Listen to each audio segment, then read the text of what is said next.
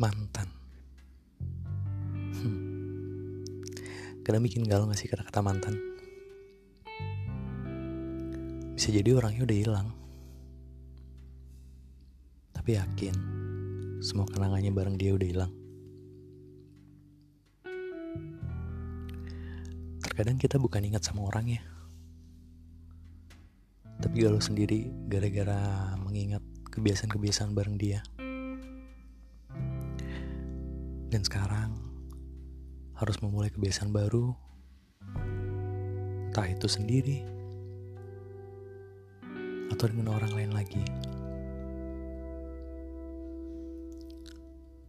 Dari mantan Aku menyadari Bahwa memang hidup ini Tidak seindah film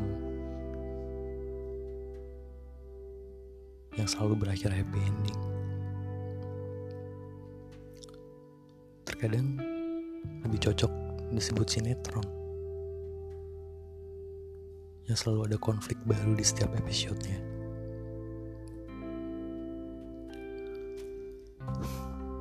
Dari mantan, aku belajar bahwa aku harus menjadi orang yang lebih baik lagi. Karena memang kenyataannya, aku gak bisa jadi yang terbaik buat dia. Dan sekarang aku hanya berdoa semoga aku kamu mendapatkan yang terbaik. Thank you.